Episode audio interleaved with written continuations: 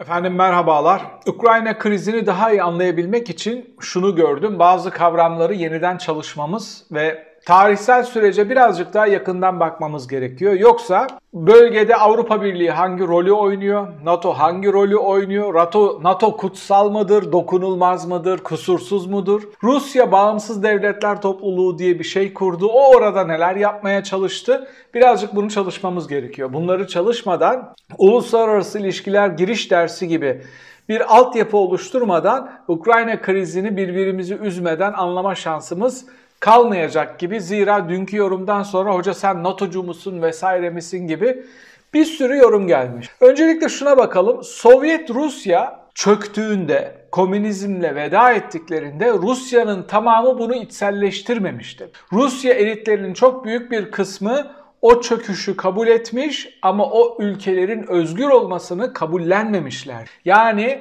aslında komünizm bir tarafa o emperyal duyguları, emperyalist duyguları, biraz da sömürgeci duyguları komünizmle modifiye edilmiş haliyle yürütüyorlardı. Ne kadar güzel. Bir de onu şiirsel bir şekilde götürüyorlardı. Ama hiçbir zaman Kırgızistan'la Moskova aynı seviyede olmadı. Hiçbir zaman aynı eğitim şartlarına, aynı sağlık şartlarına sahip olmadılar. Bu da ayrı bir tartışma konusu ama Ruslardaki bu emperyal duygular hiçbir zaman ölmemişti. Sovyet Rusya çöktükten sonra Putin gibi birçok elit bu fotoğrafı kabullenemediklerini, bunun büyük bir hata olduğunu defalarca söylediler. Ukrayna'nın, Kazakistan'ın bir devlet olduğunu kabul etmiyor adamlar. Kafalarında o fotoğraf oturmuş ve o gerçeklikle özdeşleşmiş değiller. En büyük argümanları ne? Siz geçmişte ne zaman devlet oldunuz ki? Hiçbir zaman devlet olmadılar. Geçmişte bu saydığımız ülkeler hiçbir zaman devlet olamazlardı zaten. Bu en büyük tarihi Rus yalanıdır. Neden olamazlardı? Çin, Rusya, Osmanlı İmparatorluğu, daha sonra Hindistan üstünden İngiltere, bu kadar çok imparatorluğun olduğu bir yerde, bir coğrafyada yani Orta Asya ve çeperini kastediyorum devlet olamazsınız. Bir tane büyük imparatorlukla anlaşır, onun güvenlik şemsiyesi altında hayatınıza devam edersiniz. Aslında kopmuş olmasına rağmen izlediğimiz film bunun devamı. Ya NATO'nun şemsiyesi altında hayatınıza devam edersiniz ya Rus boyunduruğu altında. Burada milli devlet yeşermemiş, tarih boyu yeşermemiş. NATO kutsal mı? NATO kutsal değil. Ama Oraya gelmeden önce şu soruya bir bakalım. Yani o Sovyetler Birliği dağıldıktan sonra Sovyet mirasını paylaşabilmek, işte o aradaki teritoryal çatışmaları, sınır çatışmalarından kurtulabilmek, o geçiş sürecini organize edebilmek için bağımsız devletler topluluğu diye bir şey kuruldu. Yani Rusya Sovyetleri tasfiye etti, evet ama yeniden yapılandırılırken o Glasnost Prostroika'yı yürürlüğe sokmaya çalışırken oradaki ülkeleri tamamen bırakmadı. O ülkelerle yaptığı bir gaz anlaşmalarına bir bakın bakalım. Onlara şunu önerdi. Siz şimdi burada otokrat rejimler kuracaksınız. Neye ihtiyacınız var? Paraya. Bizim de paraya ihtiyacımız var. Bizim ama pipeline'larımız, işleyen boru hatlarımız var. Biz bütün gazınızın anlaşmasını bizle yapın. Biz bunları güçlendireceğiz ama gazı bizim üstümüzden satacaksınız. E sana nakit para veriyor. Kötü de olsa o zamanki o yıllarda Kırık dökük de olsa işleyen bir gaz hattı var. İyi kötü nakit bir girdi olacak. Yeni kurmuşsun, fakir bir ülkesin. Nakit parayla birlikte yoluna devam edebileceksin. Onun için Rus korkusu işte bunun için ve çok büyük bir korku. Zamanında da gazı olan, petrolü olan da göbeğinden bağlanmış Gazprom üstünden Rusya'ya. Şimdi denge kurma en büyük hayalleri o bir denge kurabilelim. Bunu en ciddi bir şekilde başarabilen Azerbaycan. Bakü-Tiflis-Ceyhan boru hattını Türkiye'nin desteğiyle, Amerika'nın desteğiyle kurdu. Bir denge oluşturabilelim diye en azından enerji hattında. Ama hepsi iliklerine kadar Rus korkusuyla yaşıyorlar. Karabağ'da gördük. Rusya izledi, izledi, izledi, vurdu, vurdu, vurdu Türkiye ile Azerbaycan, Ermenistan'a. Sonra geldi düdüğü çaldı, çekti çizgiyi, Karabağ'ın büyük bir kısmını aldı. İşte Azerbaycan'a zafer ilan edecek kadar bir şey verdi bir başarı verdi. Son ana kadar bekledi. Şunu demek istiyor Ermenistan'a. Ben olmazsam sen bir hiçsin. Lukashenko'ya şunu söylüyor Putin. Bak seçimi çaldın, halkın seni yiyecekti. Ben olmazsam o diktatörlüğü orada devam ettiremezsin. E diktatörlerin sığınacakları bir Putin olacak. Seçim çalanların sığınacakları bir Putin olacak. Ben bu boyunduruktan kurtulmak istiyorum. Özgür bir ülke olmak istiyorum. Demokrat olmak istiyorum diyenlerin sığınacağı bir yer olmayacak. Kimse NATO'nun geçmişini kutsamıyor. Ama geçmişte yaptıkları hatalara bakarak gelecekte bunu daha iyi ve demokratların birbirini destekleyebileceği bir adres olarak kullanamayacağımız anlamına gelmiyor. Putin'in Nazi diyerek saldırmaya çalıştığı, alaşağı etmeye çalıştığı Ukrayna Devlet Başkanı Zelenski birincisi Yahudi, ikincisi %73 oyla iktidara gelmiş 2019'da.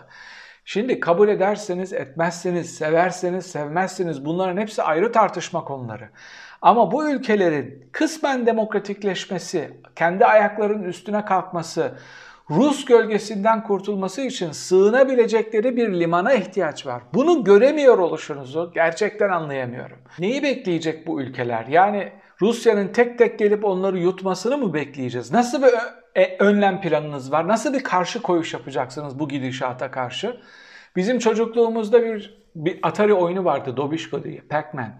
Yani önüne geleni yiyen yutan bir şey Atari oyunu gibi Putin'in yoluna devam etmesine karşı öneriniz ne? Bakın 190 bin askerle Ukrayna sınırına dayandı. Muhtemelen bu gün bittiğinde ülkenin büyük bir kısmını ele geçirmiş olacak. Yani o iki bölgeyi almak için gelmiyor Putin. O iki bölgeyi bahane ederek Ukrayna'yı komple işgal etmek için oraya giriyor. Bahsettiğimiz rakam 190 bin asker. Ne olacak bundan sonra Ukrayna'da? Şu olacak. Çok büyük bir ihtimalle toplu tutuklamalar başlayacak. Siyasileri tutuklayacaklar, vekilleri, parti başkanlarını yakalayabilirlerse devlet başkanını yollarına bu şekilde devam etmeye çalışacaklar. Rusya orada kukla bir hükümet kuracak. Rusya yanlısı bu hükümetle birlikte Ukrayna'yı bir uydu devlet gibi satellite state dediğimiz tıpkı geçmişte Sovyet Cumhuriyetlerinde olduğu gibi bir oblast bir muhtariyet gibi yönetmeyi deneyecek. Buradaki en önemli soru şu. Ukrayna ordusu bir milis güç gibi direnecek mi? Ya da Ukrayna halkı silahlanıp Rusya ile tıpkı Afganistan halkının yaptığı gibi sonuna kadar çatışacak mı? Yoksa geri çekilip teslim olup kaderlerine razı mı olacaklar? Belki işte Putin iktidarı bir gün devrolduğunda, devredildiğinde uluslararası baskılar netice verirse tekrar bir seçimle özgürlüğümüzü alırız senaryosunu mu satın alacaklar? Dünya yeterince yardım etmediği ya da edemediği için, başlarındaki devlet başkanı güvenlikçi bir çizgiden gelmediği için aslında güçlü bir direniş organize edilmemiş. Ukrayna halkının da %70 küsürü Rusya'nın böyle bir işgal yapacağına ihtimal vermiyormuş. Korkunç bir işgal. Gerçekten insan bunu düşünse bile, hayal etse bile unutmaya çalışır. Onun için çok ciddi bir şekilde hukuk tanımaz, uluslararası hukuku tanımaz Putin'e karşı hazırlıksız yakalandılar ve bundan sonra ne yapacakları da çok belli değil. Peki Avrupa, Batı ne yapıyor? Şu anda savaşa hayır demek çok konforlu bir şey, çok lüks. Ben bunu şeye benzetiyorum. Sovyet, e, düzeltiyorum, işte komünist Yugoslavya çatırdadı, bölünmeye başladı ama İktidar kimin elindeydi? Ağırlıklı olarak Sırpların elindeydi. Ordu da onların elindeydi. Silah da onların elinde. E Bosnalılarla çatışıyorlar Bosna'da. Bosnalıların silahı yok. Ordusu yok. Çoluk çocuk bir organize olup bir şey yapmaya çalışıyorlar. Karşılarında düzenli bir ordu var. Katliam yapılıyor. İşte Birleşmiş Milletler oraya, Batı demeyelim de, Birleşmiş Milletler oraya ambargo kararı aldı. Eşit mi davranmış oluyorsun? Bir tarafta düzenli ordu, Diğer tarafta sivil halk, bir ordusu yok, silahı yok, hiçbir şey yok. Sen bunlara şimdi eşit mi davranmış oluyorsun? Şu anda güçlü batılı devletlerin de savaşa hayır vesaire demesi çözüm olmuyor. Peki aldıkları ekonomik ambargolar Putin'e karşı etkili olur mu? Çok uzun vadede kısmen etkili olabilir. Neden? Rusya parasını zaten batı dışı coğrafyalardan kazanıyor. Gaz hariç. Gaza da zaten batı muhtaç. Hiçbiri kapatmadı vanaları. Almaya devam ediyorlar. Almanya sembolik olarak projeyi durdurdu. İşte o Nord Stream denilen kuzey yakın projesini. Ama hali hazırda kendi gaz ihtiyacının %55'ini Rusya'dan temin ediyor. Avrupa Birliği bunu %35 ile sınırlamalıyız prensip kararı almış olmasına rağmen. Batı dışından parasını neyle kazanıyor? Silahla kazanıyor. Silah satıyor. Kendi işte kırık dökük teknolojisini satmaya çalışıyor. Ama onun da bir alıcısı var farklı coğrafyalarda. Çin yanında durduğu için, Çin enerji tüketen bir dev olduğu için Batı'ya satmadığını ben çok daha ucuza seve seve senden alırım zaten dibimdesin diyebilecek bir adres olduğu için Putin bir panik halinde değil. Her ne kadar Rus halkı panik halinde olsa da bu işin bu şekilde devam etmeyeceğini, çok ciddi ekonomik yaptırımların vuku bulacağını ve fakirleşeceklerini, daha da fakirleşeceklerini Rus halkı bildiği için sokaklara da çıkmaya başladılar. Bu şu anlama gelmiyor. Rusya'nın büyük kısmı savaşa karşı. Hayır ama Rusya'da sokağa çıkıp tutuklanan ve sayıları 2000'in üstüne çıkan savaş karşıtı insanlar bir barış kahramanıdır. Putin gibi despotik bir rejimin e, vuku bulduğu, işte yönettiği bir ülkede, milliyetçiliğin, emperyalist güçlerin bu kadar yüksek olduğu bir ülkede sokağa çıkıp savaşa hayır diyebilmek ve Ukrayna ile Rus halklarının kardeşliğini savunmak gurur duyulacak, gurur vesilesi bir hamledir. Çok fazla eleştiri yorumu geldiği için bu NATO vesaire tartışmalarına birkaç cümleyle değinmek istiyorum. Öncelikle şunu görün bakın. Türkiye'deki Kemalist devrimin farklı bir yol haritası vardı. Ama Rus tehdidinden dolayı NATO'ya girme ihtiyacı hissettiler ve NATO'ya girme ihtiyacı hissettikleri için çok partili sisteme geçmek ve demokratikleşmeyi hızlandırmak zorunda kaldılar. Zira NATO demokratik olmayan bir ülkenin üyeliğini kabul etmiyor. Neden etmiyor? Karar alma mekanizmasında hesap verebilen şeffaf bir örnek olmalı ve bir yere misyon yapacaksınız diyelim. Biz size demokrasi getireceğiz, demokratları burada destekleyeceğiz derseniz içi adamlar şöyle diyebilir. Ya sizin karar alma sürecinizdeki üyelerinizde de demokrat olmayanlar var. Onun için bakın Kemalist devrimi inkıtaya uğratıp NATO'ya girebilmek için çok partili sisteme geçtiler. Oradaki sürece girmeyeceğim ama demek ki bu Batı karşıtlığı, bu NATO karşıtlığı reflekslerle siz o gün orada olsaydınız İsmet Paşa'ya karşı da bayrak açacaktınız. Niçin iktidarı bırakıyorsun diye. Türkiye Rus tehdidini iliklerine kadar hissettiği için, kendini yapayalnız hissettiği için, dev Rus Kızıl Ordusu'na karşı çatışabilecek durumda kendini hissetmediği için NATO'ya girebilmek için NATO üyesi değilken Kore'de savaşa girdi. Batı'nın hatalarını gördüğünüz zaman bunu eleştirebilirsiniz. Hep beraber bunu eleştirmeliyiz. Rezil misyonlar yaptı NATO. Afganistan'ı eline yüzüne bulaştırdı. Lübnan'da her şey birbirine kattı. Ama bizim evrensel değerlerle, demokrasiyle savaşmamız, çatışmamız anlamına gelmiyor. NATO'yu rehabilite edip çok daha iyi kullanabileceğimiz bir opsiyon olduğu ihtimalini masanın üstünden kaldırmıyor. Türkiye'nin güvenliğini sağlayabilmek için kapısını çaldığı bir örgüte bugün farklı örgütler girmek istiyor diye onları suçlayabilir miyiz? NATO'ya girmeye çalışarak kışkırttı. Böyle bir argüman olabilir mi? NATO'nun hiç kimseye verdiği bir garanti yok. NATO'nun her demokratik ülkeyi üye olarak kabul etmek gibi bir şeyi var. Yazılı hiçbir taahhüdü yok. Öyle bir dedikodu var işte. NATO Rusya'ya garanti verdi çevresindekileri almayacak diye. Bu sadece Putin'in dillendirdiği, iddia ettiği, ona şifayen söylendiğini ifade ettiği bir şey, bir çıkış. Bunun dışında karşımızda demokratlara sahip çıkmaya çalışan, tüm hata ve eksikliklerine rağmen bir dayanışma kulübüdür. NATO dünyaya barış getirme iddiası olan bir yapı değildir. Kendi üyelerinin demokrasilerini koruyabilmek için kurulmuş bir yapıdır. Ha kendi üyesi olmayan yerlere gitmeye başladı.